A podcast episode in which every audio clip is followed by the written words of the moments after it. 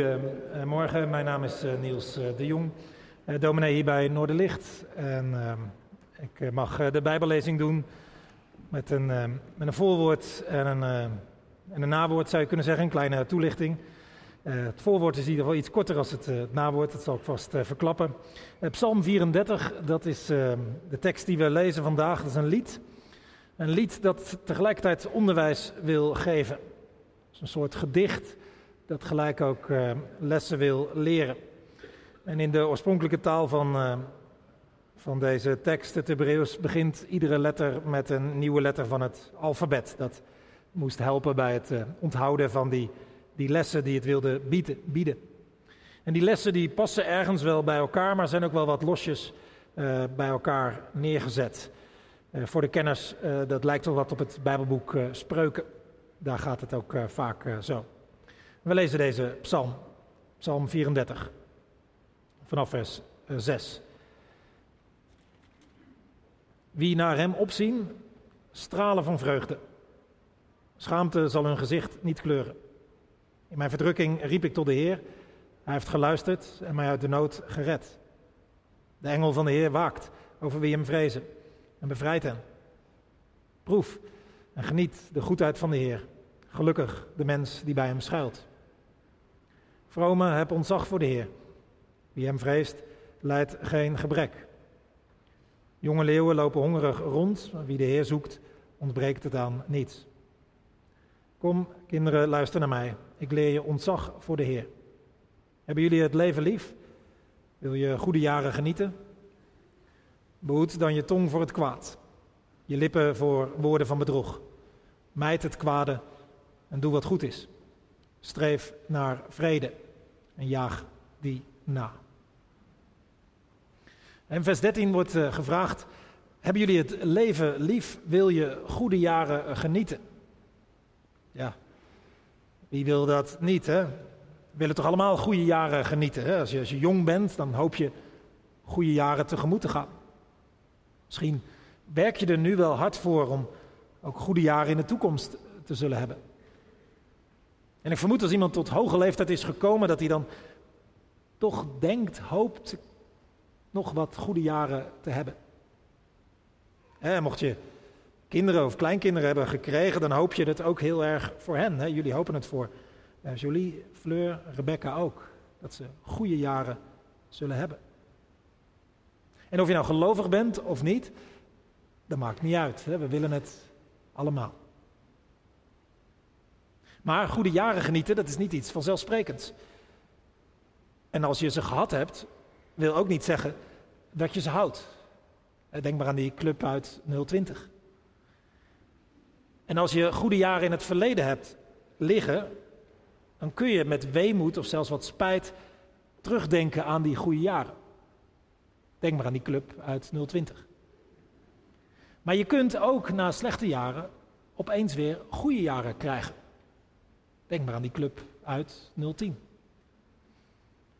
Maar hoe het ook zij, hè, als, als, als ieder van ons terugkijkt op zijn eigen leven, dan, dan zie je ze misschien wel allebei. De goede en slechte periode. Met misschien overheersen de goede jaren met, met veel meewind en, en vreugde en geluk. En misschien zit je ook nu in zo'n fase in je leven. Maar misschien overheersen wel de minder goede jaren.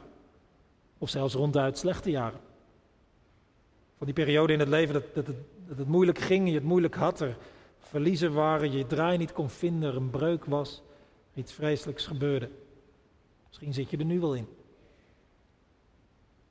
Maar goede en slechte jaren, ze zijn in ieder geval niet eerlijk en netjes over ons allemaal verdeeld. Maar goede jaren, die willen we wel genieten. En vandaag denken we vanuit Psalm 34 na over wat goede jaren dan eigenlijk zijn en hoe we daar komen. En over beide, en zowel wat goede jaren zijn, als hoe we daar komen, daar zijn in onze tijd denk ik grote misverstanden over. Allereerst even over wat, wat zijn nou goede jaren? Wat is nou het goede leven? Nou, we krijgen in onze tijd allerlei beelden naar ons toegeslingerd over hoe zo'n goed leven eruit ziet. Hè? Veel gemak en comfort, lachende gezichten, mooie mensen, geen gedoe, allemaal prettig, een zorgeloos bestaan, een mooie auto erbij, geregeld op reis. En voilà, daar heb je dat goede leven. En we zien de plaatjes wel voor ons, denk ik, van zo'n leven. En die plaatjes geven de indruk dat zo'n goed en geweldig leven voor ons bereikbaar is. als we die vakantie boeken, auto aanschaffen, die gokwagen, dat abonnement afsluiten, dat ene nieuwe ding hebben, kopen. Want, want die dingen die zijn te koop. Zo, zo wordt die indruk ons gegeven. Ja, daar moet je geld voor hebben, maar ja, als je slim, snel, mooi, succesvol bent, is dat vast geen probleem. En want al die beelden, die plaatjes die ons omringen, laten allemaal zulke mensen zien. Dus als jij zo bent, dan kun je ook daar komen. En dat communiceert onze cultuur voortdurend. En als je kinderen hebt of hebt gekregen en je wilt niet dat ze dit zomaar één op één overnemen, geloven, dan moet je daar bewust van zijn. En dan moet je er bewust ook iets anders tegenover zetten. Psalm 34 zet daar iets anders tegenover. Zowel een ander beeld van een goed leven, maar ook een ander beeld van hoe je daar dan komt. Maar ja, wat is zo'n goed leven volgens Psalm 34? Nou ja, het, schetst een beeld dat aan de ene kant realistischer is, en aan de andere kant veel minder oppervlakkig. En dus ook veel minder snel teleurstelt. Eh, realistischer, omdat het een leven voorspiegelt waarin, omdat het je niet een leven voorspiegelt waarin ellende bespaard blijft, waar geen gebrokenheid is of waar geen gedoe of problemen zullen zijn. Nee. Zo'n leven bestaat ook niet en die illusie wekt Psalm 34 ook niet. Vers 20 wordt er ook nog genoemd, hè, de rechtvaardige. Dus is iemand die, goed in het leven staat, die, ja, die blijft niets bespaard. En dat, dat, zie je voortdurend ook in de Bijbel. Hè? Rechtvaardige mensen als Abraham of Job, of vooral Jezus, hè, de rechtvaardige bij uitstek, die kregen ook tegenslagen te verwerken. En toch ook al is dat zo, er is toch een goed leven mogelijk. Er zijn goede jaren te genieten, volgens deze psalm. En dat, dat, dat leven is mooier en dieper dan de plaatjes waar wij gebombardeerd worden. Want volgens Psalm 34 is zo'n goed leven leven waarin je bevrijd bent van je last. Vers 5. Waarin je vreugde kent. Vers 6. Waar je gelukkig bent. Vers 9. Je het aan niets wezenlijks ontbreekt. Vers 11. Waar je gehoord en gezien wordt. Vers 16. Waar God dichtbij is, zelfs als je gebroken bent. Vers 19. En hoe kom je tot zo'n goed leven dan? Nou ja, het is niet te kopen en je hoeft er ook niet ontstellend veel geluk voor te hebben. Je hoeft er ook niet slim of snel of succesvol voor te zijn. Psalm 34 loopt niet in de valkuil van die illusie van maakbaarheid. Psalm 34 weet dat soms dingen je ook gewoon overkomen, hè? zowel mooie dingen als kwade dingen. Maar met dat Psalm 34 dit weet, vervalt het ook weer niet in een soort cynische berusting, alsof je maar aan het lot bent overgeleverd.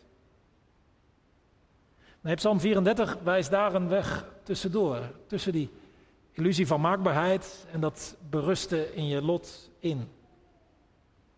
En Psalm 34 legt dan uit wat in de regel leidt tot goede jaren.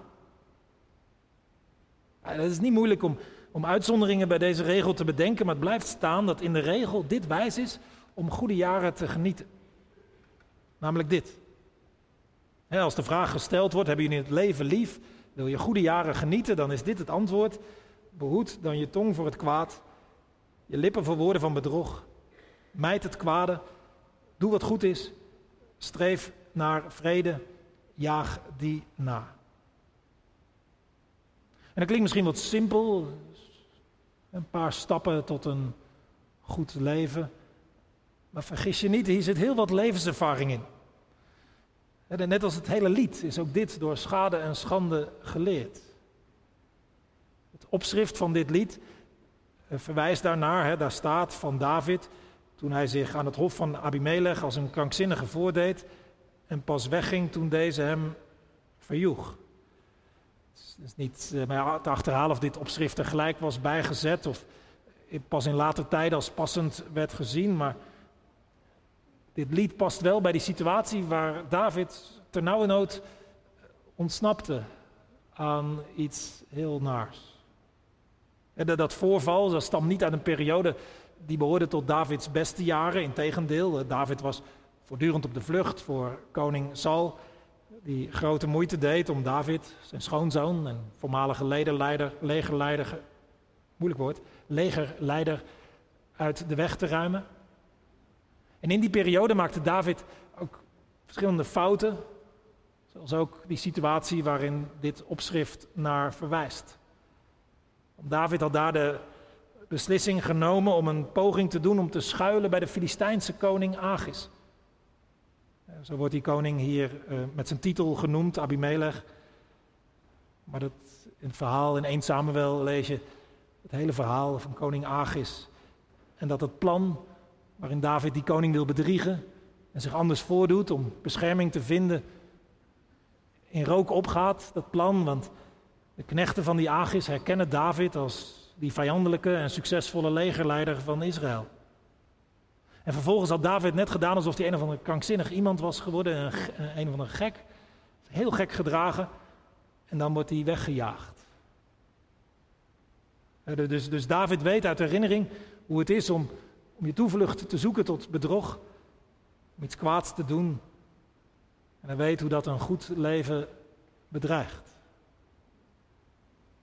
En zo heeft David onderweg in zijn leven geleerd door schade en schande hoeveel beter het is om het goede te doen. Eerlijk te zijn, eerlijk te spreken en vrede na te streven. Maar, maar in deze versen 12 tot en met 15 zit niet alleen de nodige levenservaring. Het gaat nog wel wat verder dan dat. Hier wordt een idee opgebracht dat je voortdurend in de Bijbel tegen kunt komen. Een soort basisidee.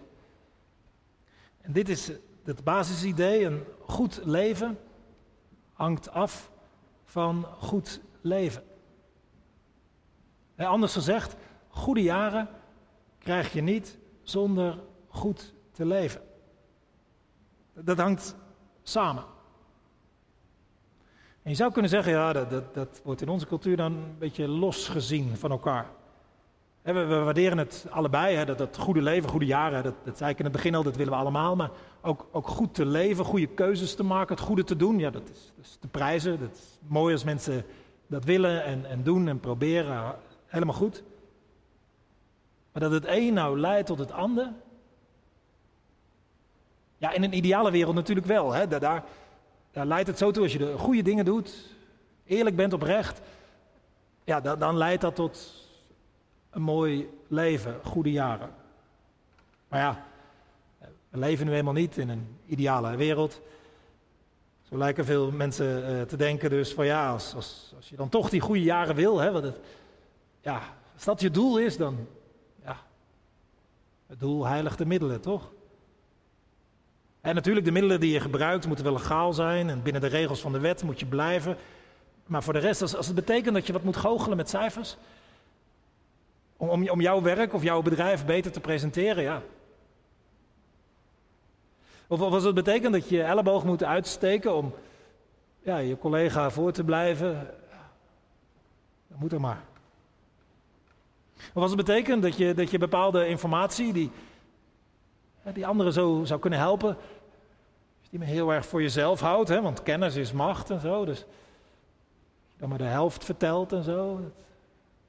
Ja, als jou dat helpt. Of als het betekent dat je, dat je je ogen sluit voor het onrecht dat je bedrijf of organisatie of baan in stand houdt. Ja, ja dat, dat moet dan maar. Want ja, je wilt toch die goede jaren genieten. Het Bijbelse idee is, is anders. Daar worden doel en middelen niet uit elkaar gehaald. Een goed doel bereik je niet met middelen die niet goed zijn. Een goede bestemming kun je volgens de Bijbel niet bereiken zonder een goede weg te bewandelen. Oftewel, een goed leven ga je niet vinden zonder goed te leven. Want zowel een goed leven als goed leven heeft alles met God te maken.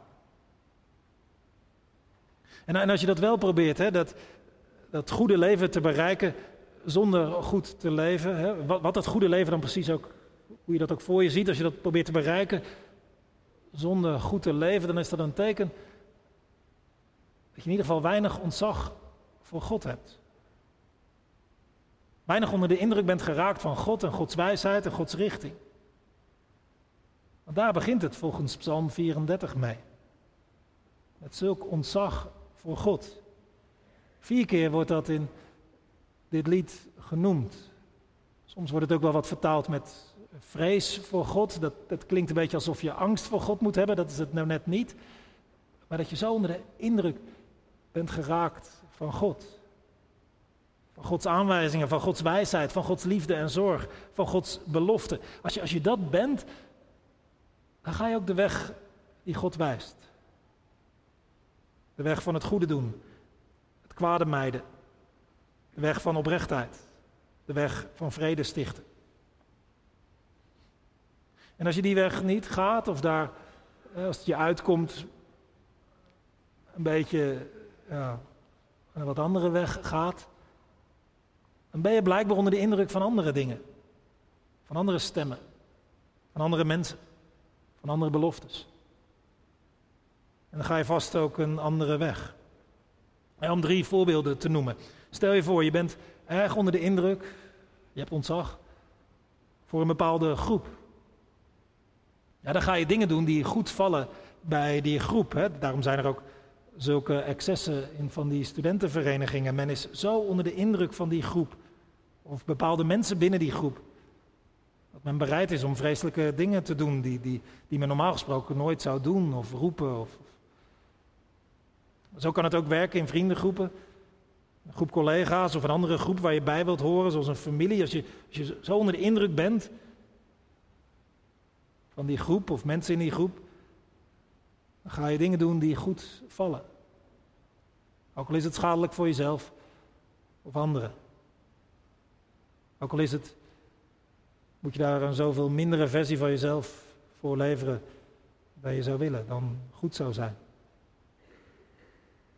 Ander voorbeeld, je kunt ook onder de indruk zijn van een bepaald ideaal. Het ideale plaatje van een gezin.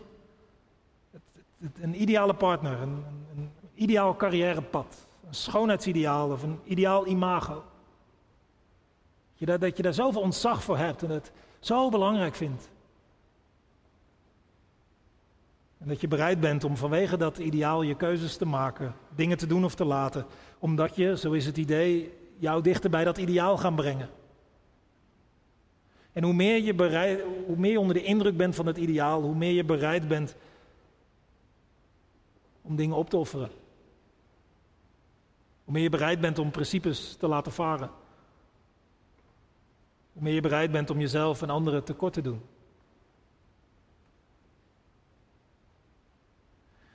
Laatste voorbeeld, je kunt ook onder de indruk zijn van een bepaald idee. Het idee dat sterke mensen niet om hulp vragen. Of dat falen geen optie is voor succesvolle mensen. Of dat als je slim bent je nooit terug hoeft te komen op je keuzes. Of het idee dat je nooit je zwaktes moet laten zien. Of zoiets. En hoe meer je onder de indruk bent van zo'n idee, hoe belangrijker je dat acht. Hoe harder je eraan vasthoudt, hoe meer offers je brengt, hoe harder je oordeelt over jezelf en anderen. En hoe eerder je grijpt naar middelen of mechanismen die niet goed zijn, maar jou overeind houden. Kortom, waar je het meest van onder de indruk bent, dat bepaalt hoe je leeft. En als God dat niet is, dan, dan vermoed je blijkbaar dat God jou dat niet kan geven, die goede jaren, die goede weg. En dan wordt het dus iets of iemand anders, waar je het meest van onder de indruk bent en waardoor je je laat bepalen. Dat kunnen dus mensen zijn, stemmen van mensen. Je werkgever, een of andere goeroe, je partner, je kinderen, je vriendengroep, je hulpverlener. Dat die boven alles en iedereen staat. Het kunnen dingen zijn, hè, je status, je uiterlijk, je carrière, je intelligentie, je positie, die reis, die baan. Of wat dan ook jou maar goede jaren moet geven. Maar waarom zou je dan het meest eerbied, het meeste ontzag voor God hebben? Waarom zou je God hoger achten dan wie of wat dan ook? Zelfs hoger dan je eigen voorkeuren. Waarom zou je kinderen zo proberen op te voeden dat ze, dat ze God op de eerste plek zetten? En daar het meest van onder de indruk raken? Waarom zou je dat doen? Laten we dicht bij Psalm 34 blijven. De reden daar om God zo hoog te achten, is omdat hij het ervaren heeft dat er niemand is als God. Hij houdt het ook dicht bij zichzelf. Hij, hij, vertelt uit eigen ervaring in vers 5. Ik zocht de Heer en hij gaf antwoord. Hij weet gewoon dat God er is en dat hij op God aan kan. En, en, en in vers 7 zegt hij dan, in mijn verdrukking riep ik tot de Heer en hij heeft geluisterd en mij uit de nood gered. Hij heeft dus ontdekt dat er niemand is als God. Zeker tot de momenten dat hij, dat het diepste zat, hè, dan, leer je dat vaak het meest. Merkte hij dat, dat hij God had. Dat hij op God aankomt. En hij heeft geleerd dat er niemand zo op je betrokken is, zo naar je omziet, zo je met engelen omgeeft, je zo hoort en ziet, je zo redt als God. Het zijn allemaal dingen die hij in Psalm 34 noemt. Allemaal dingen die als je naar Jezus kijkt, helemaal duidelijk worden dat God zo is. Maar als je naar Jezus kijkt, dan zie je ook, nog meer dan in Psalm 34, dat, dat, dat God zo betrokken is en zo lief heeft en zo goed is. En dat, hij, dat God daarin zo ver voor je wil gaan.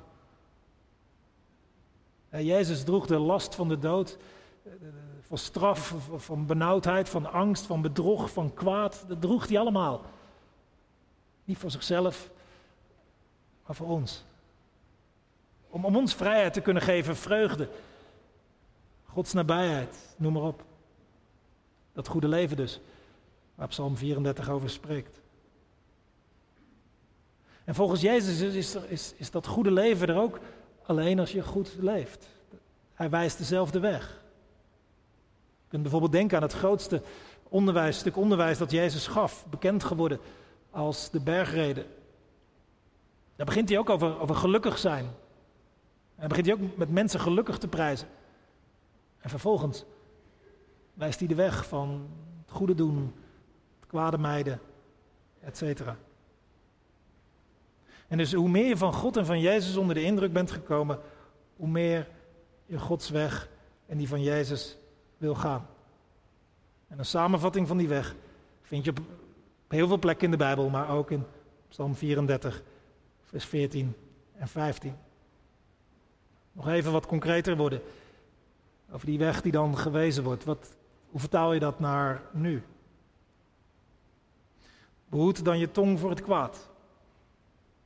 Oftewel, kijk uit wat er over de tong gaat bij jou. Dat je niet kwaad spreekt van anderen. Dat je niet lastert, roddelt. Zo bijdraagt aan een giftige sfeer. niet, niet op je werk, niet in de kerk, niet thuis, niet in de samenleving. Behoed je voor woorden van bedrog. Oftewel, kijk uit dat je de zaken niet anders voorstelt dan ze zijn.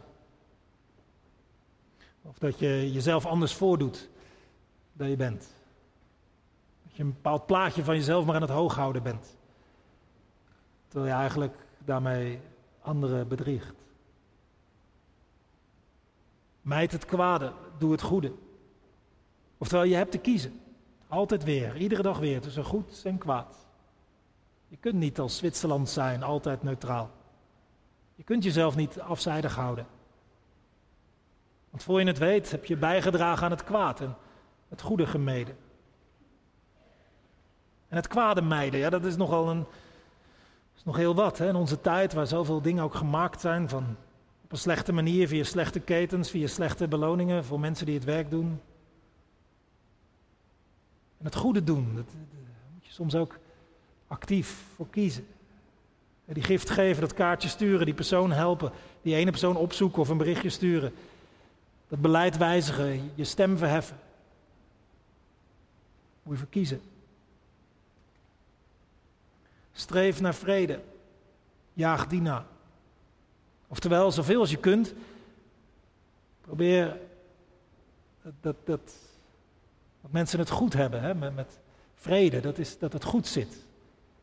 De Bijbel dat, dat het goed zit met God, met jezelf, met anderen. Vrede, dat is een situatie waar je niet op je hoede hoeft te zijn. Dat je op je gemak bent, waar je, waar je adem kunt halen. Er zijn zoveel situaties waarin mensen dat niet zijn. En er sprake is van strijd en competitie. En er zijn zoveel mensen die, die leven met frustratie, die, die, die, geen vrede hebben.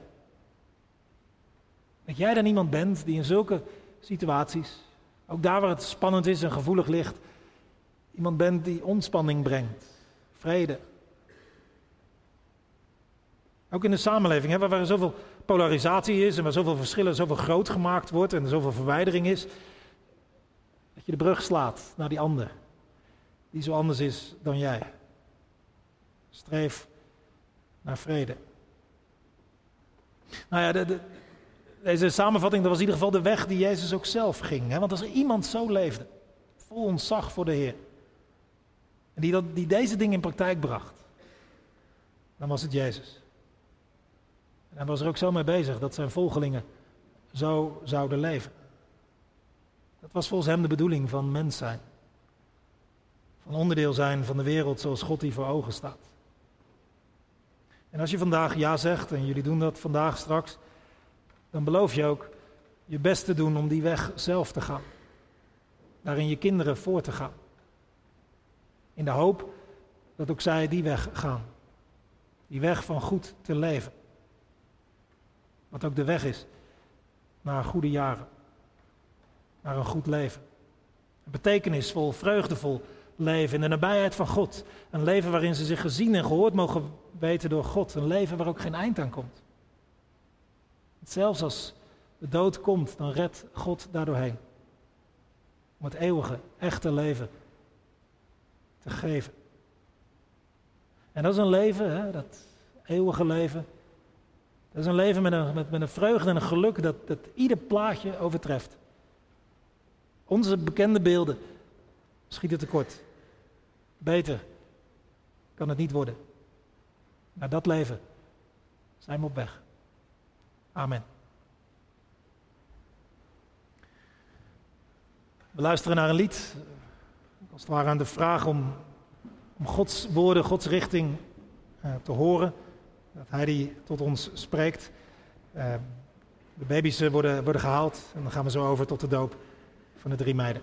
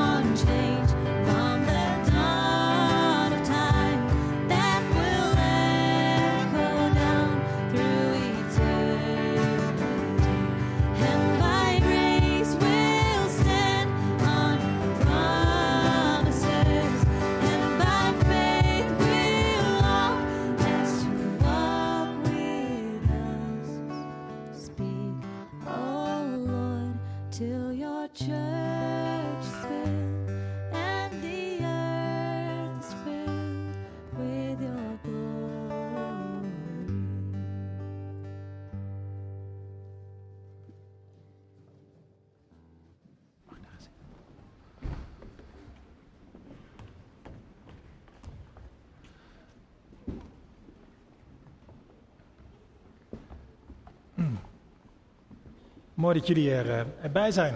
Zoek maar een uh, plekje. Je mag erbij gaan zitten. Ziet iemand uh, de baby's? Ik heb er drie nodig. Waar zijn ze gebleven? Dat is een plantje, maar ik zoek baby's. Ik heb drie plantjes, dat komt goed uit. Weet iemand waar de baby's zijn? Jullie hebben ze niet meegenomen. Nee. Oh, sorry. Oké, ze zijn er. In Noorderlicht kunnen ouders in de gemeente hun kinderen laten dopen of opdragen. Vandaag worden er drie kinderen gedoopt. En dat doen we omdat we de Bijbel zo begrijpen dat voor God de kinderen er al helemaal bij horen. Even een korte intro op de doop. Aan de doop van kinderen zitten heel veel facetten, we noemen er vier. De doop is het teken van verbondenheid met de drie-enige God die een relatie zoekt met ieder mens. De doop is het teken van opgenomen worden in de christelijke gemeente. De doop is het teken van dat God mensen genadig wil zijn. En wil schoonwassen van alles wat zonde is. En hem wil laten doen opstaan tot een vernieuwd leven. De doop houdt ook een belofte in zich. Namelijk dat God doorgaat. Generaties door. En dat zijn volk ook steeds weer groter wordt. En jullie ouders worden drie vragen gesteld. Dan mag je vragen om op te staan.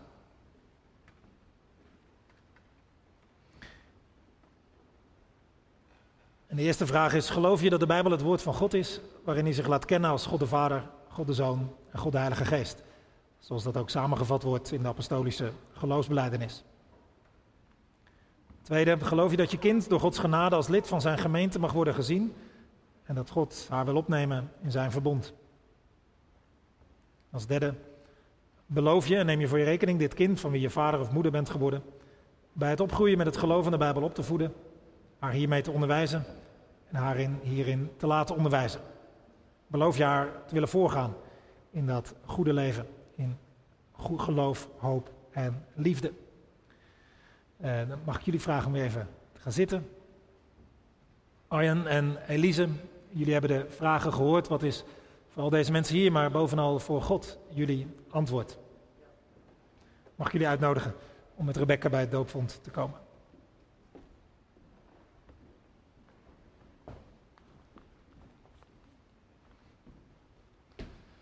Mijn grote broer is er ook bij.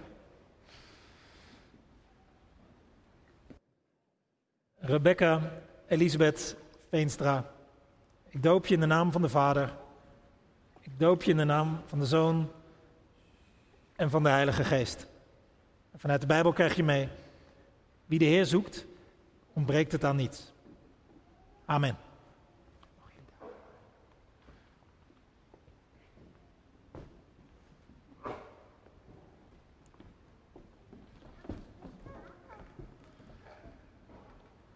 Lennart en Jasmijn. Jullie zijn hier met Jolie. Wat is, jullie hebben ook de vragen gehoord, wat is voor al deze mensen hier, maar bovenal voor God, jullie antwoord? Mag je uitnodigen bij het doopvond.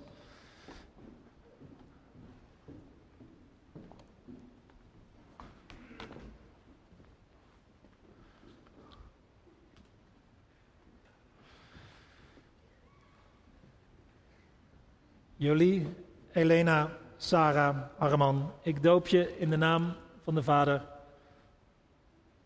en van de Zoon en van de Heilige Geest. vanuit de Bijbel krijg je mee, wie naar hem opzien, stralen van vreugde. Amen.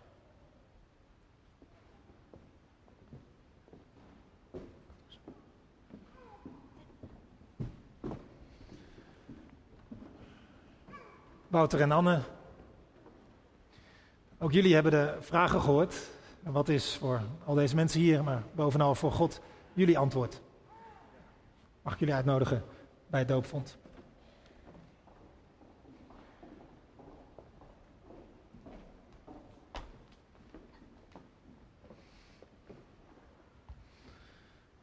Fleur, Sophie, Maat, ik doop je in de naam van de Vader en van de Zoon en van de Heilige Geest. En vanuit de Bijbel krijg je mee, proef en geniet de goedheid van de Heer. Gelukkig de mens die bij hem schuilt. Amen.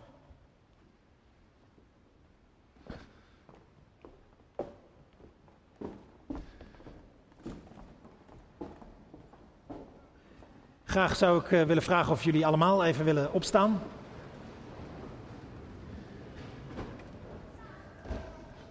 En ook uh, voor jullie wordt, uh, wordt, een vraag gesteld in de hoop daar met ja op te antwoorden. Gemeente van Noordlicht Blijdorp, willen jullie deze kinderen die vandaag gedoopt zijn ontvangen in liefde en gedenken in de gebeden en hen en hun ouders omringen met jullie zorg? Wat is hierop jullie antwoord? Ja. Dank jullie wel. Dan willen we hen een zegen toezingen.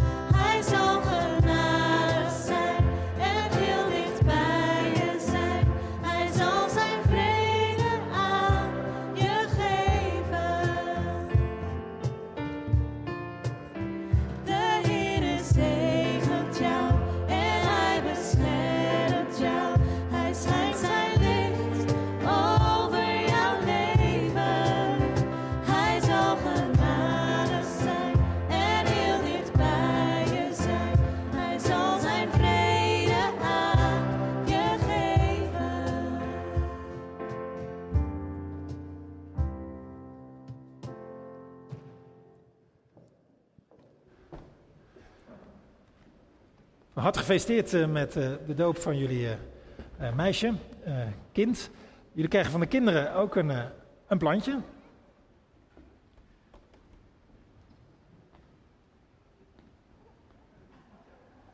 Ja, precies, dat moet wel goed, denk ik. Keurig. Dank jullie wel. Mooi dat jullie dat wilden geven.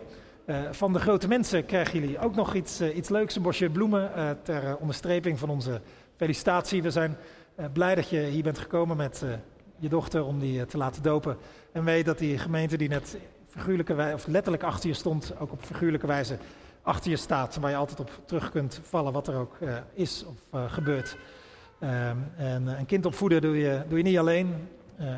vast ook mensen in jullie familie die daar aan mee willen helpen. Maar ook deze kerk is daar ook bij. Dus maak daar gerust gebruik van. Dan mag iedereen weer terug naar zijn plek. En dan uh, mogen wij gaan zitten.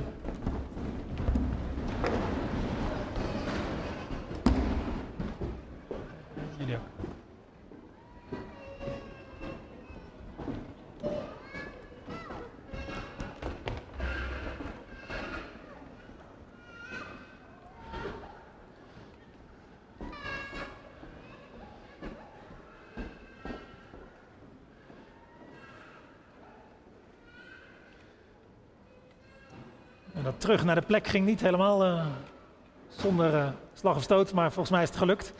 Uh, laten we God danken en bidden. Heere God, wij, wij danken u dat u zo'n goede God bent. Die u zelf wil verbinden aan van die kleine mensen. Dat u uw naam er al aan wilt koppelen. Aan die, die kleine meisjes. dat u al zegt, heb ze lief, ze horen erbij en ik, uh, ik heb het beste met hen voor. Dat u ook voor hen uh, goede jaren wilt. Dat dat uh, iets is wat u ons allemaal gunt. En ehm, wij bidden u dat deze meiden, Rebecca, Jolie en Fleur, ook die goede jaren zullen kennen. Een goed leven, met u ook. Met vreugde die u alleen geven kan. Geluk. En wil u bidden dat als er ook mindere jaren zijn, als er tegenslag is, dat ze die uh, connectie met u niet verliezen. En dat ze weten en merken dat u erbij bent en bijblijft. En ondanks de tegenslag, dat u hen toch op de een of andere manier vasthoudt. En van binnenuit vrede en vreugde geeft. Zegent u hen zo, ook in het opgroeien, ook hun ouders. Zeggen zo alle kinderen uh, van de gemeente, wilt u geven dat ze hier een goede plek hebben, waar ze graag zijn, waar ze zich thuis voelen, waar ze vrede hebben, uh, rustig kunnen ademen. En ook uh, steeds meer leren wie u bent en wat u voor hen wilt betekenen. En dat bidden we voor ons allemaal. Uh, dat, dat we steeds meer zicht krijgen op wat u nou wil geven, wat u voor ons hebt weggelegd. Aan, aan een goed leven, goede jaren, aan, aan uw nabijheid. En ook dat we steeds meer zicht krijgen op die weg daar naartoe. Vergeef ons als we geneigd zijn om uh, af te snijden, kortere wegen te nemen of, of andere wegen in te slaan in de hoop, verwachting dat dat ons iets zal brengen. Wil u bidden dat uh, of u ons daarvoor wil bewaren en ook ons inzicht wil geven, zodat we kunnen onderscheiden waar, waar het op aankomt, wat werkelijk goed is. Wat werkelijk goed is in uw ogen. En zodat we stap voor stap die weg steeds weer inslaan met vallen en opstaan. De weg die u wijst. Wij bidden u voor hen die het, eh, die het lastig hebben, die nu in een eh, moeilijke fase zitten. Uh, om wat voor reden dan ook. U weet ervan. Wilt u tegemoet komen, helpen en de weg wijzen. En laten merken dat u een God bent die bevrijdt. Ook van de last die er is. Um, zo bidden we ook voor mensen in deze stad. Wilt u veel mensen tegemoet komen? Zeker de mensen die het lastig hebben, kwetsbaar zijn, het moeilijk hebben. Wat voor manier dan ook. Schulden zitten. Uh, wilt u ze tegemoet komen? En die dak- en thuisloos zijn en die eenzaam zijn, ziek zijn, komt u hen tegemoet.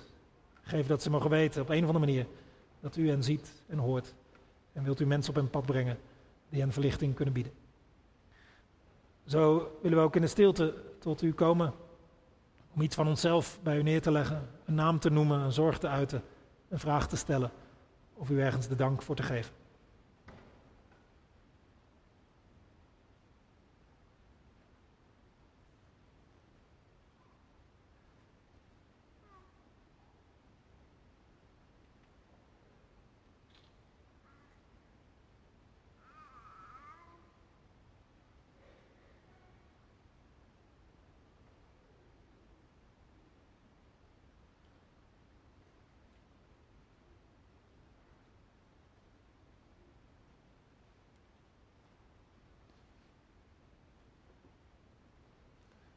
Neem ze onze eh, dank aan en hoor onze gebeden in de naam van Jezus Christus.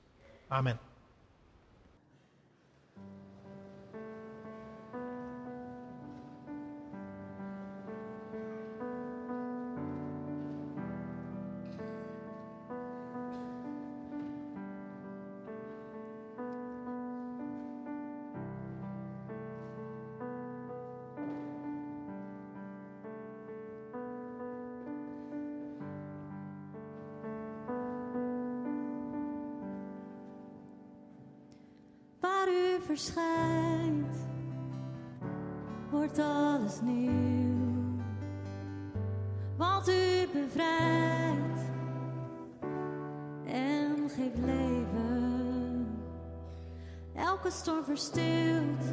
Door de klank van uw stem. Alles buigt voor koning Jezus. U bent de held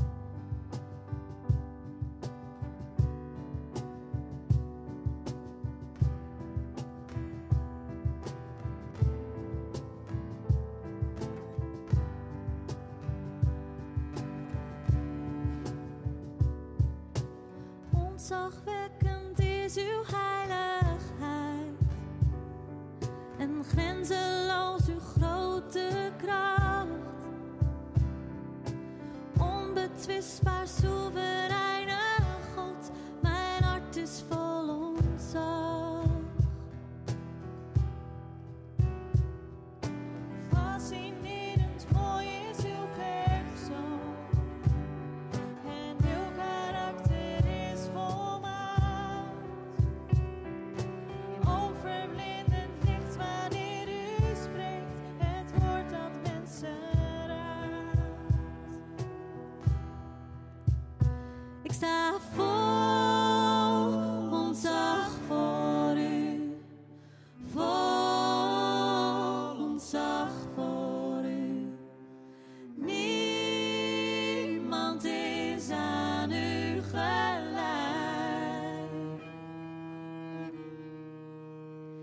Ik sta vol, ontzag vol.